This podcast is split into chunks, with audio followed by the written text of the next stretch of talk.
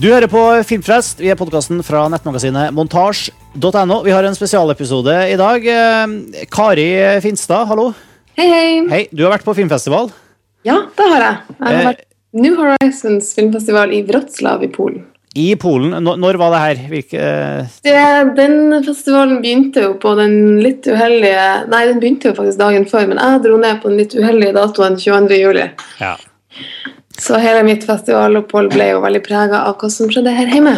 Men jeg var nå der og så en del film og møtte en del mennesker. ja, og Du møtte annet Crispin Glover. Ja, det gjorde jeg. Ja. Eh, For de av eh, En kort introduksjon her for de av lytterne som, som ikke helt har, har kjedd igjen det navnet. Hvis det er noen. Ja, eh, han er jo en eh, Han er kjent for å være litt av en eksentriker. Det er en amerikansk skuespiller som eh, stort sett dukker opp i biroller hvor han gjerne spiller en eksentrisk eh, villain av noe slag, en skurk. Eh, Jeg husker jo først og fremst som faren til Marty Ja. McFly ja, i Back to the. Future. Han var faren til eh, han, han var George McFly ja, i Back to the Future. Og han øh, dukka jo for så vidt tilsynelatende opp også i Back to the Future 2, men egentlig ikke. Og det ble det jo faktisk en ganske stor sak ut av. Bare sånn kort digresjon her. Fordi eh, de klippet inn øh, noe av opptakene de hadde gjort til eneren. Um, og de hadde også en skuespiller som de gjorde litt prosthetics og sminke på, sånn at han skulle ligne på Crispin Glover.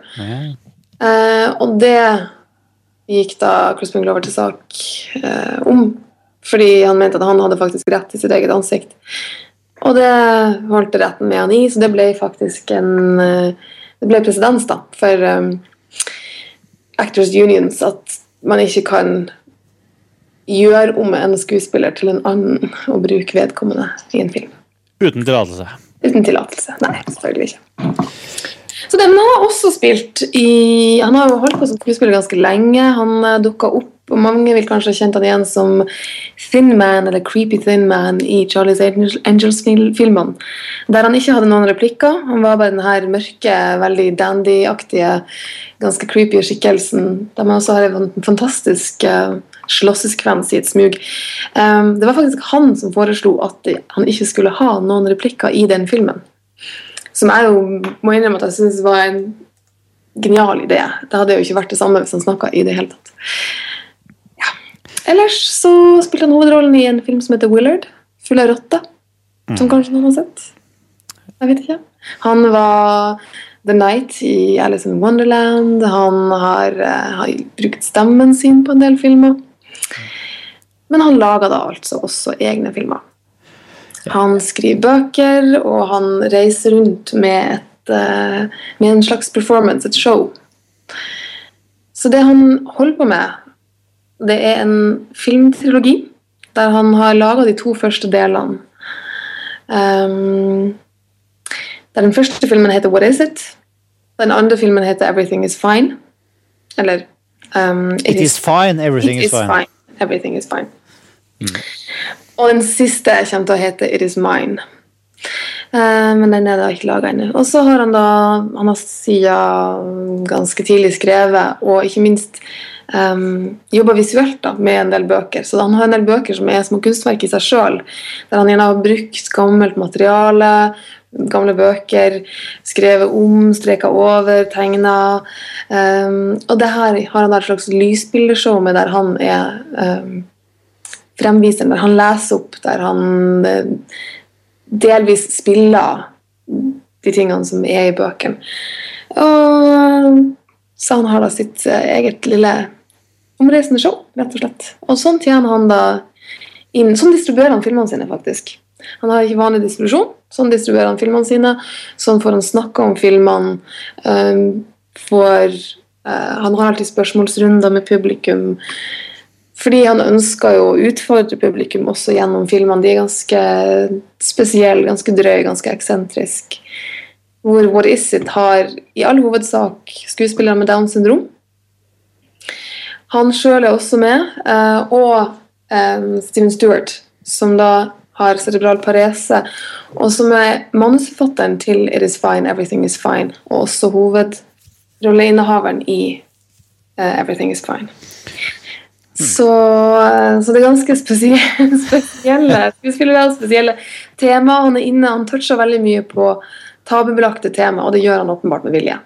Og det kommer vi til å snakke en del om i intervjuet. Ja.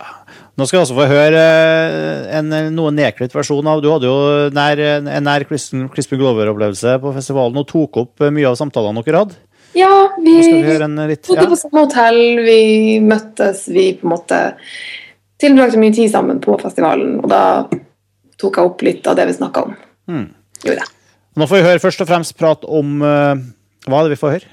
Si vi får høre litt Han begynner med å fortelle litt om, at han, uh, han, har vært i Norge og vist fram uh, Vi ble vel enige om at det var It is fine, everything is fine han viste i Norge, faktisk. Så han kommer tilbake med ordet sitt. Særlig Ja, vi må bare mase litt på han, tror jeg. Uh, og han snakka en del om tematikken i filmene. Han snakka en del om om propaganda, faktisk, i underholdningsmedia eh, om de store, hva de store selskapene egentlig Hvordan de påvirker mediet. Eh, han snakka litt om egne prosjekter, forteller litt om filmene. Um, og ja, dere får høre. Den er litt nedklippa også fordi vi satt på en takterrasse der det var en del vind, så må bare beklage at det kommer inn litt vind av og til. Ja. Men i hvert fall, vi fader inn samtalen her. Kari meets Crispin. Yes, her kjører vi på. You were touring Norway, or uh, yeah, that was about three years ago, and I, sh I showed what is it there first, so I need to come back with everything is fine. Which now I've, I've been -hmm. switching it around. I'm uh, I'm sure, or actually no, I think I did show everything is fine now. Now I'm forgetting. I think I did show everything is fine first there, and I need to come back with what is it now. Uh -huh. I think. I think. Yeah, you should, because now I haven't seen what is it. Yeah, yeah. Yeah, and, and I, I, purposefully, and I think that I was uh, doing that, yeah, and I'm still doing that because the, what is it? I might as well talk about them in order of, of how I made them. What is it uh, really is my psychological reaction to the constraints that have happened in the last 30 years in corporately funded and distributed film, where in anything that can possibly make an audience member uncomfortable is necessarily excised, or that film, that screenplay will not be corporately funded um, or distributed. I think that's a very damaging thing because it's that moment when an audience member, and another word for that is, uh, other than discomfort, is taboo, or something that really makes people ask mm. questions. But I think it's very damaging to have that excised because it's that moment when a an audience member sits back at their chair, looks up at the screen, and thinks to themselves, "Is this right? What I'm watching? Is this wrong? What I'm watching? Should the, I be here? Should the filmmaker have done this? What is it?" And that's the name of the first film. What is it that's taboo in the culture? What does it mean when the taboo has been ubiquitously excised? And again, I think it's damaging because it's those moments when people are asking questions that uh, there's a genuine um, education that happens.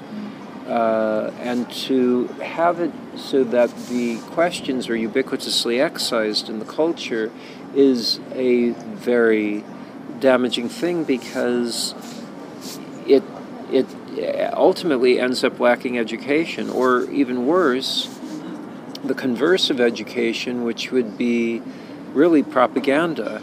And I do think that that's that's uh, happening uh, uh, now, yeah, like, for the most part. Yeah. It isn't just about governmental uh, uh, elements or, or, political policies or, or, wars. There's there's uh, a more subtle kind of, and actually much more effective kind of propaganda that happens in the uh,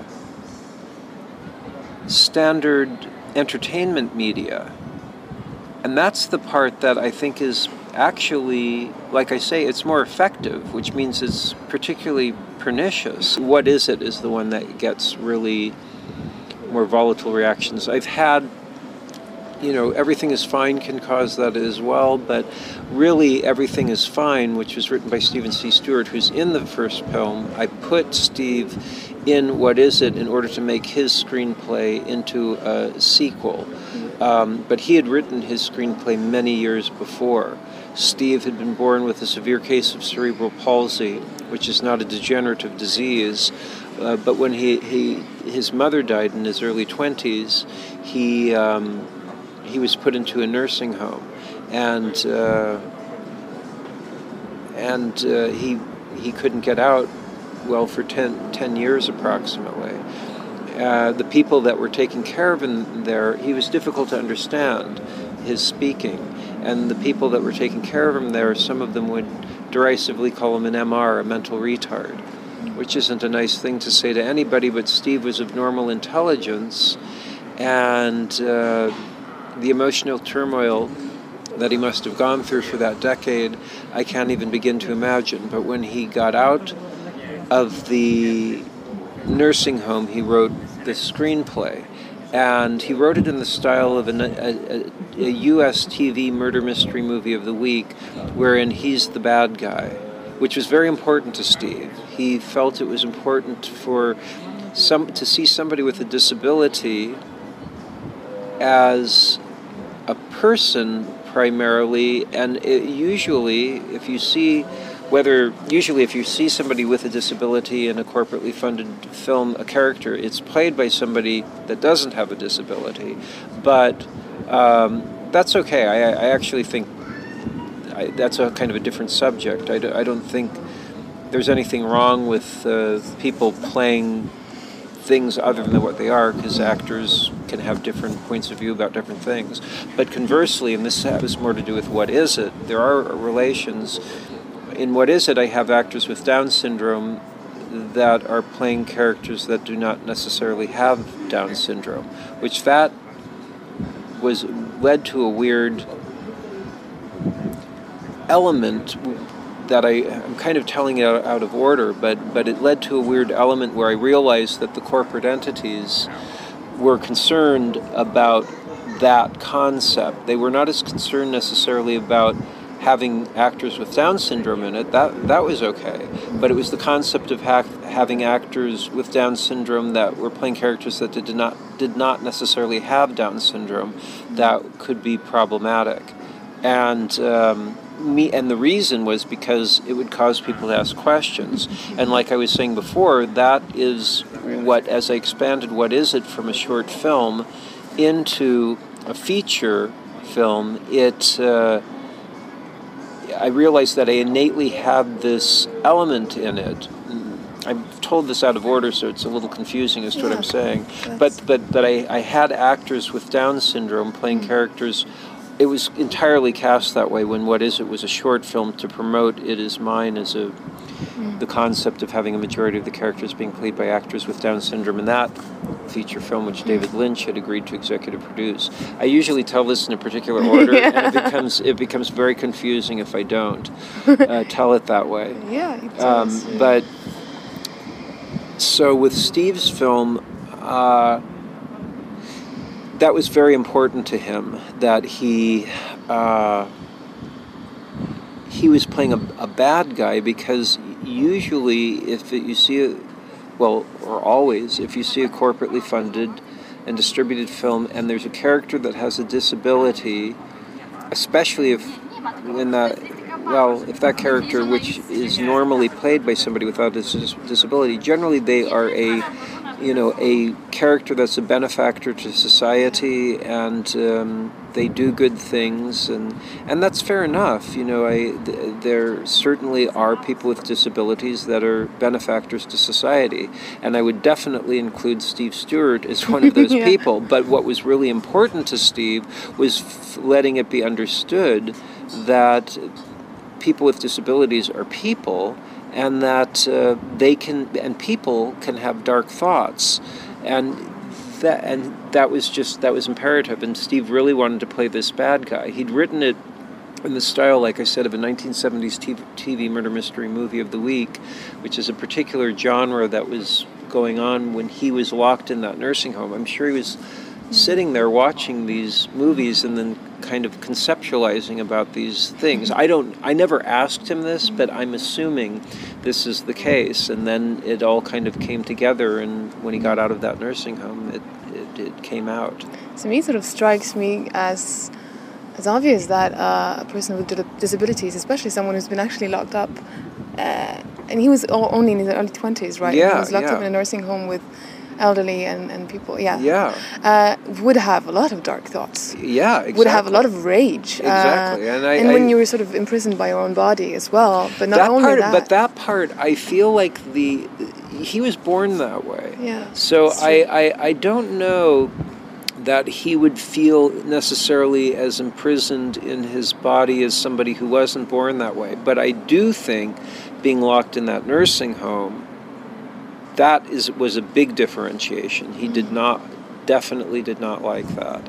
Uh, I, I, I think usually when people are born with a disability, it's nor- normal. I mean, probably sure they can see certain things, but I think on some level it is not. It's I mean everybody, you everybody can have some kind of disability, and so just by your own element, it's uh, of knowing, of not knowing, of not noticing. I, other people can probably see when you have a, a, disability of some kind, whatever, however minute or non-effectual it is. There's nobody's perfect, so so it's. Uh, you know, but nobody thinks about it when it's their their normal norm. Their normal whereas state, if you yeah. whereas if you lack something, Yeah. if you had your arm cut off or something, you would Mm. miss something. But uh, if you're born that way, uh, I think it's it's. Mm. uh, I mean, I'm sure there's also feeling it and noticing that you m- may be different from other people in some way or another, but th- that's why I still do think. Uh, but there's another aspect to the film that I would also argue is at least as important of Steve is having cerebral palsy, if not more important, and that is his interest in, in the women with long hair. Yeah. And this is very particular uh, to him. And I, there are certain mysteries in that that I'll never know. Of course, I didn't write the screenplay, uh, but I can I can speculate and uh, imagine. And they, it, part of what I love about the film is that because I didn't write it, these mysteries still change in my, my head. You know, I co-directed the film, I co-edited the film, I financed it, I distributed, etc. But there are still things in it that I, I'm, uh, are mysteries, and I, I really like that about the film. Yeah, that's great. The screenplay, that's Steve. That's that's something that came from him, and that's what I'm really proudest of uh, uh, of the film. Is that when I initially read the screenplay, there was something in it that this an emotional catharsis with Steve's character. Uh, like David Brothers and I could have changed the screenplay in any way we wanted, but we both knew what was important was to support this emotional catharsis. There was a naivete with which he had written it, but it was our job to support that naivete. We could have done anything we wanted to, to, to the screenplay, but we, we didn't. We wanted to support that innate element, and that's what I'm proudest of with the film is that it's that emotional element is supported and it, it's translated from when I initially read it. That thing that was in there when I when I first saw when I first read it is in the film, and that didn't necessarily have to happen. And I'm relieved. And like I said at the screening the other day, it's true. I'm actually well, yeah, relieved is the right word because if Steve had died and we uh, hadn't got the film made, I would have really not felt good about myself. I would have, and not just because I said to Steve we're going to make the film, but because there was something in the uh, that is communicated in it that I, um, I, I was absolutely imperative to get get out there, and I and I'm sure that I got that from Steve. Uh, it's not something I ever talked about with him, but um, uh, the- right before, you know, a month after he finished shooting the film, I got a call from Steve, or he, well, I should I should backtrack. Uh, I funded the film with the money that I made from the first Charlie's Angels film, and um, one of Steve's lungs had collapsed in 1999, and it became apparent if we didn't shoot the film soon, we may never get to shoot anything at all. and it was right at that time that the first Charlie's Angels film was coming to me, and I realized with the money I made from that film, I could put it straight into making the Steven C. Stewart film, and that's exactly what happened. We shot the film in six months over three separate smaller productions, and then um,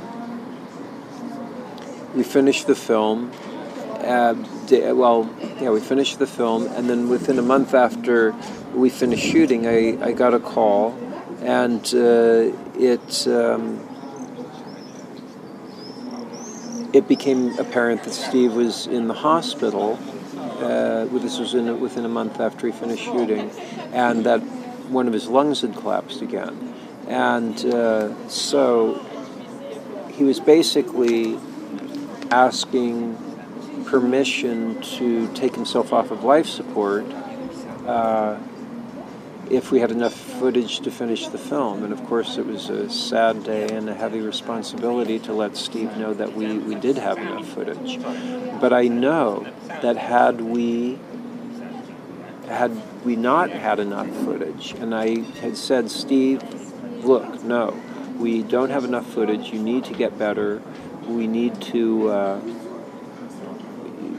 shoot more to finish the film. I have no doubt he would have been, he would have gotten whatever operation he needed, and he would have been on the set, and he would have had a great attitude, and and because uh, he'd essentially already done that. But uh, yeah, I, you know, I could have uh, the. I, I didn't have any insurance on the film when we made it, and so if Steve had, Steve had died, and he wasn't in perfect health. Again, not having to do with cerebral palsy, but having to do with his lung collapse, collapsing from pneumonia.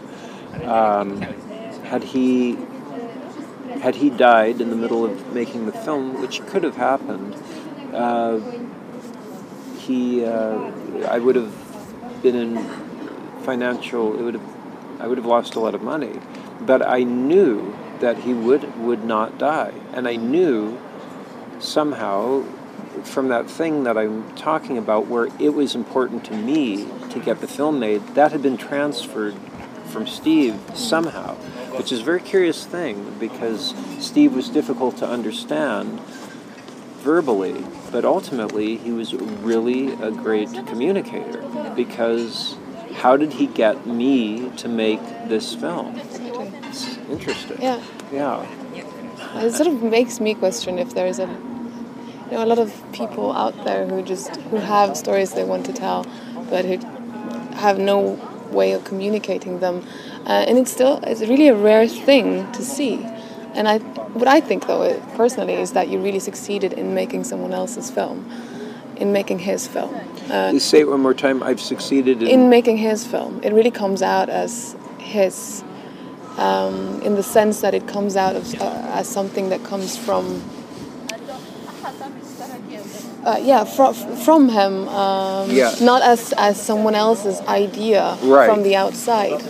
That's uh, what, and that was also important to me and David, or David and I, was that that again, you know, right now it's you know just for publicity purposes, as Crispin Hellion Glover presents, and they yeah. financed all of that, but ultimately, it is Steve's film, and and and had Steve seen the film. I don't know this. I would have loved for him to see the film, but I, I'm quite certain that Steve would have uh, loved the film and he would have thought of it as, rightfully so, as his film. Mm. Did he express any wish to, to sort of to see it. Uh, well, I mean, there yeah. there was not uh, there was no possibility no. because because we, we, didn't we shot it in nineteen the uh, end of two thousand the beginning of two thousand one and um, uh, we premiered it in, in Sundance in 2007. Yeah. So it, it, I had terrible technical problems with what, what is it, and I needed to finish what is it first. and uh, that caused delay on everything is fine as well as what is. That really set me back multiple years. Oh, thank you. Dobrze. Thank you. Yeah, did get so cheers. Oops. But yeah, um, so Steve, Steve was also in What Is It? Yes, right. I had put him in in that to make his film into a sequel of sorts. yeah. And I also knew, as I was expanding What Is It, when I realized the central element that I needed to explore taboo or have taboo within, because I innately had this taboo element and realized that this was something that was not being dealt with in corporately funded and distributed film, which is where I make my living, that, and that to me that's frustrating, that I should really make that the central theme. And I changed the central antagonism of what the the um, the short film was. I put myself in it as a per, uh, personification of the anta- a new, a different antagonism, and uh, and I realized that Steve's screenplay that I'd read ten years previously had certain thematic similarities. Uh, to what is it, and that if I put Steve into what is it, it would make his film into a, a sequel of sorts, and um, and it, it works. It's worked on multiple levels. Uh, I, I, on one level, it was a kind of a commercial idea. I mean, these are not what you standardly call commercial films, but you know, commerce. You know, meaning uh, dealing with monetary issues. It has been helpful for that uh, because Steve's film would be a hard film to sell, and uh, it was just easier having myself in what is it on, on many levels made it easier to sell, and then having Steve in what is it helped make his film an easier sell because it, it's Yeah. part of his trilogy. So it really has yeah. it has it has worked in that way. I'm, I'm curious also about your, um, well, obviously a lot of people find your films to, and, and, and your projects to be what you could call weird or strange. And I'm not very good with quotes, but one of my favorite quotes is that there is no exquisite beauty without some strangeness in the proportion. Uh, and that somehow I find that you're an exponent for that, though I'm not saying that what you do, you're doing is always beautiful because it, it doesn't seem like the pursuit of beauty is is sort of the goal in itself. But do you find Well, that what uh, you're doing has a certain beauty to it? Oh yeah, I I, I, I think both of the films, uh, they're they're they have they both have a, a different visual and audio as well. The audio aesthetic. Just I had certain sound problems in what is it, which are not necessarily apparent in the actual film. I worked hard to make sure that the final sound was good both in what is it and everything is fine but i had more knowledge of how to make sure the sound was good and everything is fine the the visual elements in both of the films are i would call both of them beautiful uh, both of them I mean, the sets strike me the sets are particularly amazingly beau- beautiful. yeah. And and what is it has one much larger set than any of the sets, and everything is fine. But part of it is shot daylight exterior, um, and parts are shot on location. Whereas virtually everything and everything is fine is shot on uh, sets. I, I want to continue that kind of artificial environment uh, for making my, my own films. It's expensive to work that way, and that's again partially why I own the property in the Czech Republic. To the listeners, we can say that you you bought property in, in Oh, the Czech Republic so that you can you can actually build your own sets and explore that visual Exactly. aspect more. Yeah, yeah, and, and because it's it's ex- it is more expensive to, to shoot on sets. It's not less expensive, but if you re- are able to repurpose them over multiple pro- uh, uh, pro- uh, productions, then it it over time becomes less expensive. Everything is fine. The sets had to be destroyed immediately after for various reasons, unfortunately. And uh, I realized I really needed to own property uh, where I was going to continue making films, and I have I do have some Czech heritage. I don't know anybody there now, but uh, that that was part of the reason I'd been there.